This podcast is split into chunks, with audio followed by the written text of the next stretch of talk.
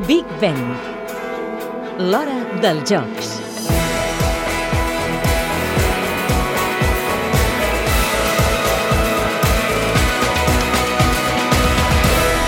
A diferència de les seves predecessores, la torxa olímpica de Londres 2012 no farà la volta al món.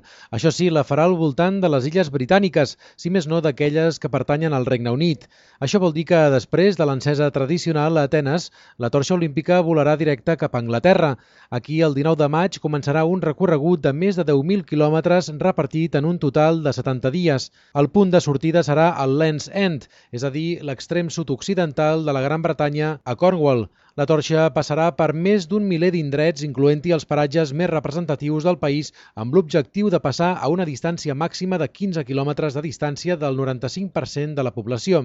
Tot i que els recorreguts urbans estan per confirmar, ja sabem que la torxa de Londres 2012 anirà des de Sant Helier a l'illa de Jersey, situada pràcticament davant de la costa francesa, fins a l'Erwick, a les illes Shetland, és a dir, al nord d'Escòcia, al mateix paral·lel que Oslo.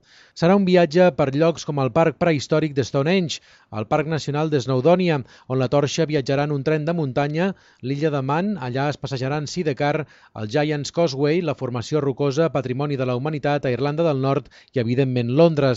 A la capital britànica hi acabarà el recorregut el 27 de juliol amb un passeig pel riu Tàmesi fins al Parc Olímpic. Tot i que la torxa està dissenyada a prova del vent i la pluja habituals a les illes britàniques, els organitzadors no descarten que la flama olímpica s'apagui en algun moment. El seu disseny compta amb 8.000 foradets en honor als 8.000 portadors, molts dels quals seran escollits popularment a nivell local. Els foradets permetran a més que la flama es pugui contemplar tant per damunt com per cadascun dels tres costats de la torxa.